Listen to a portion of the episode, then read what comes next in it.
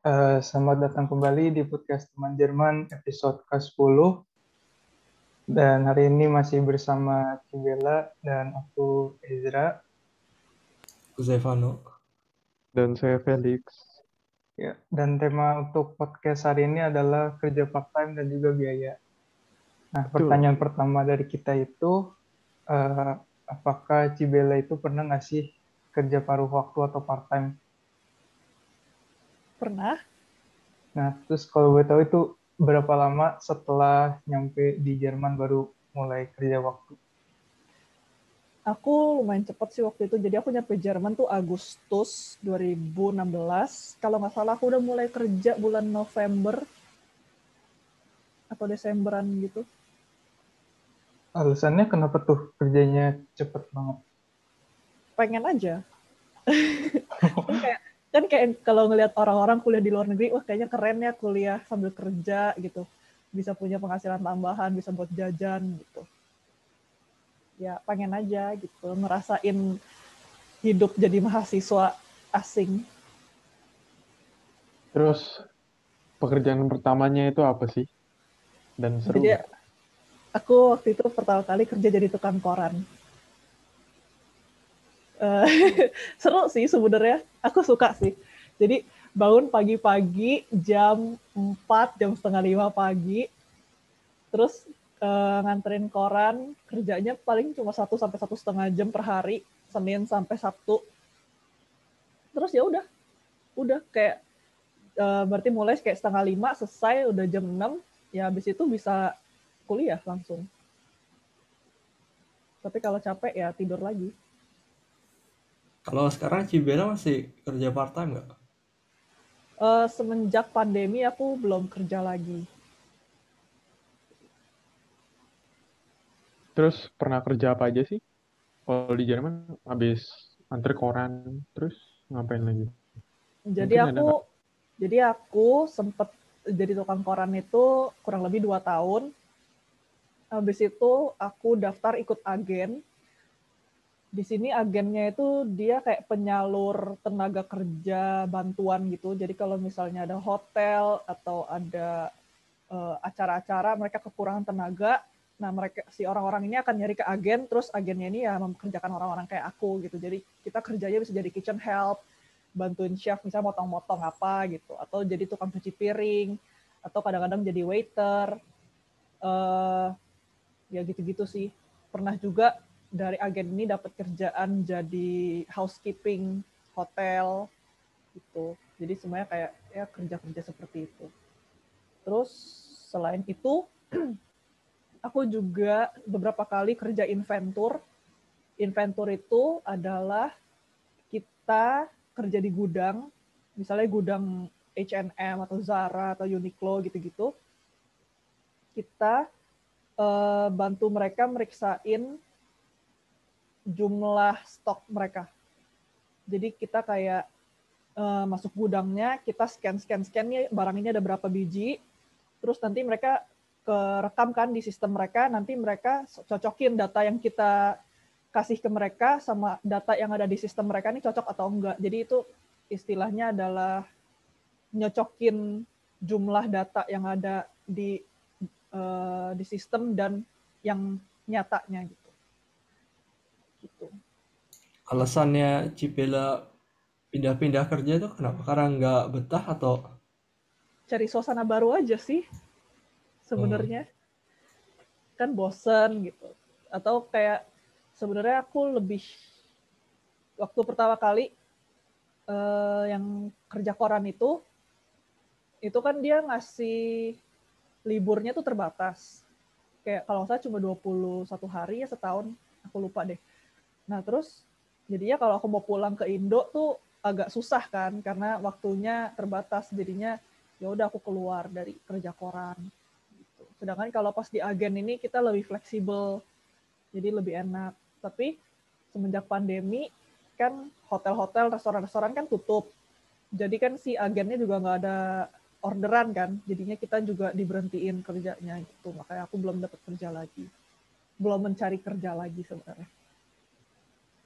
Terus menurut Cebel tuh yang kerjaan paling seru dan paling gede duitnya di mana?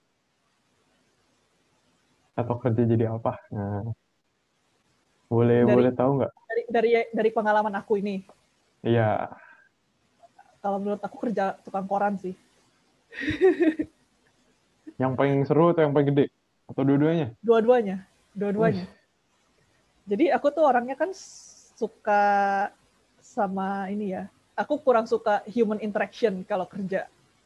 Karena kalau misalnya kerja ketemu sama orang kan jadi banyak misalnya ada yang protes lah apalah gitu kan, ribet lah gitu. Jadi kalau aku kerja koran kan kerjanya pagi-pagi, gelap kan, masih nggak ada orang kan. Jadi kayak ya udah kerja sendiri, nggak ada yang ganggu. Terus enaknya kalau kerja koran ini nih pelanggan-pelanggannya waktu udah mulai musim Natal, mereka ngasih kita amplop isinya duit gitu, atau dikasih coklat, dikasih bingkisan gitu. Mereka tuh orang-orang Jerman tuh suka baik gitu, ngasih ke tukang koran, ngasih ke tukang paket DHL gitu. Mereka suka ngasih gitu-gitu. Jadi aku kalau waktu musim Natal tuh bisa dapat uang uang saku dari pelanggan-pelanggan korannya tuh hampir setara gaji satu bulan. Gitu. Ada rencana balik kah? Eh sebenarnya sih pengen ya, tapi nggak tahu deh.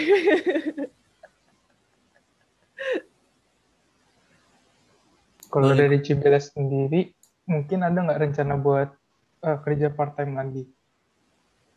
Em, kayaknya sih untuk sekarang ini nggak tahu ya. Aku soalnya sebentar lagi mau internship kan. Nah kalau udah internship atau praktikum itu kan kayaknya agak kurang memungkinkan sambil kerja part time. Jadi sebenarnya kalau misalnya waktunya memungkinkan, aku punya waktu lebih, aku sih pengen kerja part time lagi. Cibela dapat pengalaman apa aja sih? Udah belajar apa aja dari eh, pekerjaan-pekerjaan ini? Em, yang jelas aku belajar kerja ya, kayak gimana sih rasanya kerja gitu, berasa punya tanggung jawab, em, berasa hmm, kita harus kerja cepet lah gitu intinya.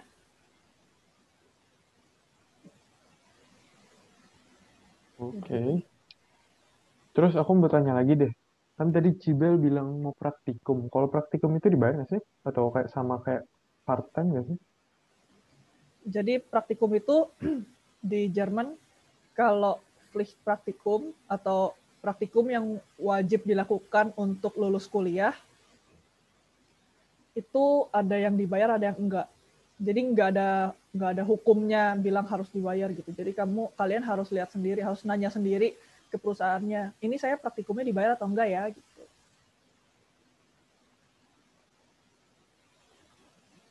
Oke.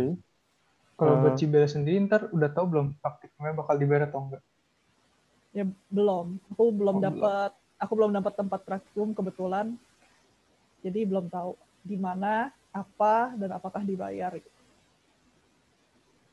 Ngomong-ngomong tentang duit nih. Eh berapa banyak sih biaya yang dibutuhkan kalau Cibel sendiri deh untuk kuliah di Jerman? Biaya hidupnya Dan- maksudnya. eh mungkin Atau biaya hidup, kuliahnya aja. mungkin dua-duanya boleh di Jadi Ya. Hanover ini em, biaya kuliahnya lumayan tinggi. Per semester 410 420-an euro kalau nggak salah. Eh, terus jadinya ditambah uang makan, terus juga asuransi. Kan kita sebagai student asing kita butuh asuransi ya. Terus eh, rumah, sewa rumah, segala-gala kayaknya kurang lebih 700-800 euro lah sebulannya.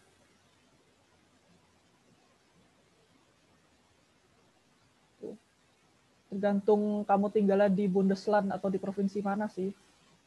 Kalau misalnya di Baden-Württemberg itu kan eh, student asing biaya kuliahnya lebih mahal. Seribu sekian kalau nggak salah. Nah itu pasti lebih mahal. Nah, berarti kan tadi Cibeles berarti kayak a whole month itu butuh 800 sampai 900 euro ya. Hmm. itu kira-kira mungkin nggak sih untuk uh, biaya hidup di Jerman itu pakai uang yang dari kerja part time? Sebenarnya dalam prakteknya aku udah pernah mendengar cerita orang-orang kalau mereka bisa hidup dari kerja. Tapi kerjanya yang kayak kerja dua kerjaan gitu ya, yang benar-benar nggak ada free time lah jadinya kayak kerja kerja kuliah kerja kerja kuliah gitu. Itu akan sangat sulit sih, tapi bisa karena udah ada buktinya, udah ada orang yang hidup seperti itu. Tapi itu akan sangat sulit dan aku nggak tahu sih kalau nanti sistem buat apply visanya gimana. Soalnya kita kan harus ada duit minimal 10 ribu ya kayaknya sekarang buat perpanjang visa. Nah itu kalau misalnya kamu uh, sistem hidupnya itu kerja sambil kuliah yang apa? Yang kayak gitu, maksudnya yang kayak kerja untuk hidup sehari-hari, aku nggak tahu gimana caranya bisa dapat sepuluh ribu.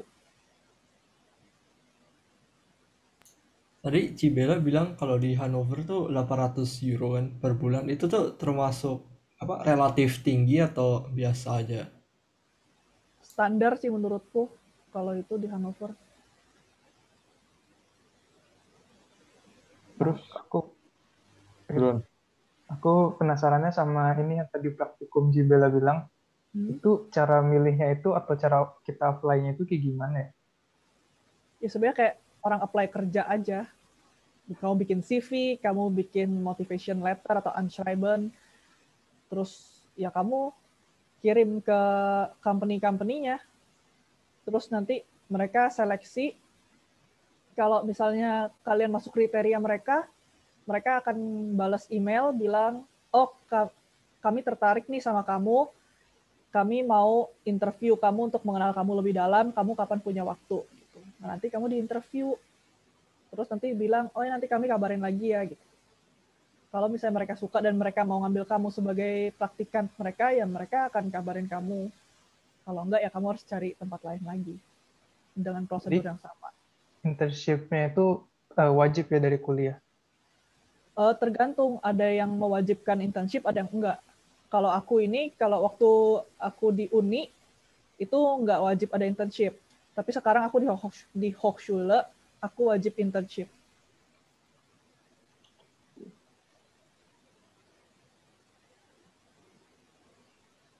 Aku boleh tanya lagi nggak?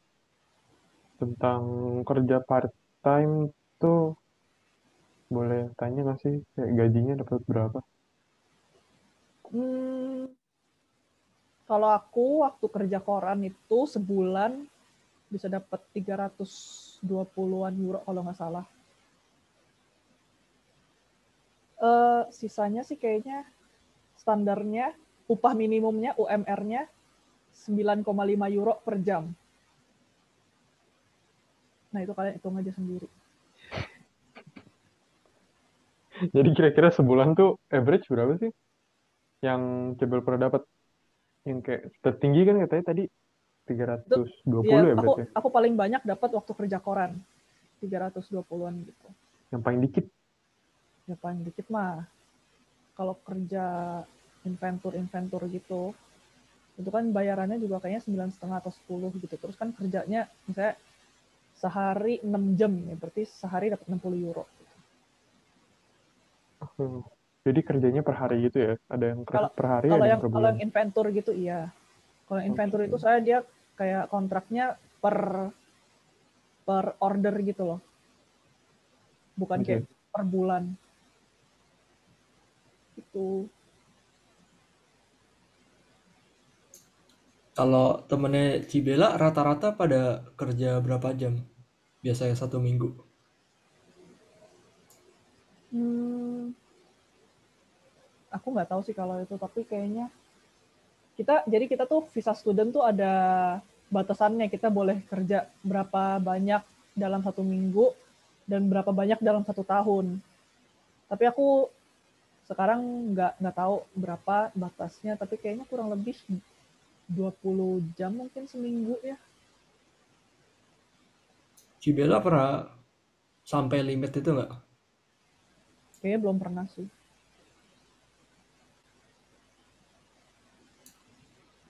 Uh, menurut Cibela kalau part time ini ganggu aktivitas kuliah nggak sih? Kayak nilainya jadi jeblok atau apa? Kalau itu balik lagi ke masing-masing orang yang menurut aku. Soalnya kalau aku tuh aku kerja buat refreshing, buat uh, ganti suasana. Soalnya kalau belajar doang itu kan suntuk ya lama-lama. Jadi ya aku variasiin sama kerja gitu. Jadinya ganti suasana. Tapi kalau misalnya orang yang mungkin pertama kali kerja terus kayak kaget, jadi kayak wah enak ya dapat duit gitu. Terus jadinya mereka uh, apa sih namanya upgeling, jadi uplengkung, ter fokusnya terbelok gitu loh. Jadi mereka jadinya lebih menikmati kerja, ya itu bakal jadi masalah sih mereka jadinya akan fokus ke kerja dan bukan fokus ke kuliah. Kalau itu sih pasti nilainya bakal jeblok. Kalau Cibela sendiri pernah nggak kayak hampir tergoda atau pengen gitu jadi kerja, jadi nggak fokus kuliah gitu? Uh, enggak sih sebenarnya. Soalnya pekerjaanku kan kayak pekerjaan receh-receh gitu kan kayak apa sih kerja koran masa aku jauh-jauh kuliah ke Jerman kerjanya loper koran gitu kan nggak mungkin jadi kayak ya uh, cuma buat fun aja sih kerjanya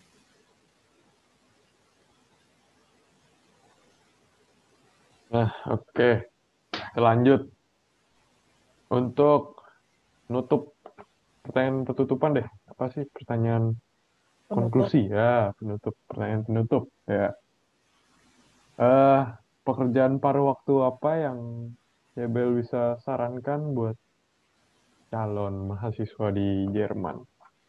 Yang menurut Bel itu paling enak gitu loh yang paling praktis paling gede biayanya ya itu mah relatif kalau paling gede mah kayak sulit ya soalnya pekerjaan part time itu biasanya standar gajinya UMR yang per jam itu sembilan setengah atau 10 euro per jam biasanya tapi kalau yang paling lumrah yang paling umum dikerjakan sama student-student asing itu ya jadi waiter, waitress, jadi pelayan, atau kerja di cafe gitu.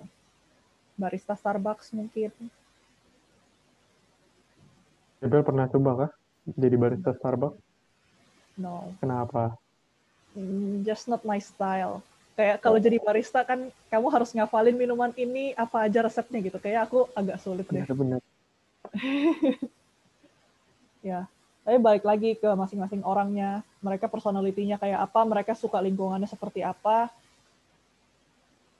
ya lebih baik mencari pekerjaan yang cocok sama masing-masing sih kayak bisa jadi gojek nggak sih uh, oh di sini ada namanya Liverando oh, Liverando jadi bisa itu kayak Gojek tapi pakai sepeda kebanyakan nah itu juga banyak student kerja jadi Liverando jadi tukang oh. jadi kurir makanan iya iya betul oke okay, oke okay. Tapi biasanya kalau mau jadi, kerja jadi liverando harus punya sepeda. Oke, mungkin sekian dulu untuk episode ke-10 dari podcast teman Jerman. Terima kasih banyak Cibela dan sampai jumpa di episode berikutnya. Sampai jumpa.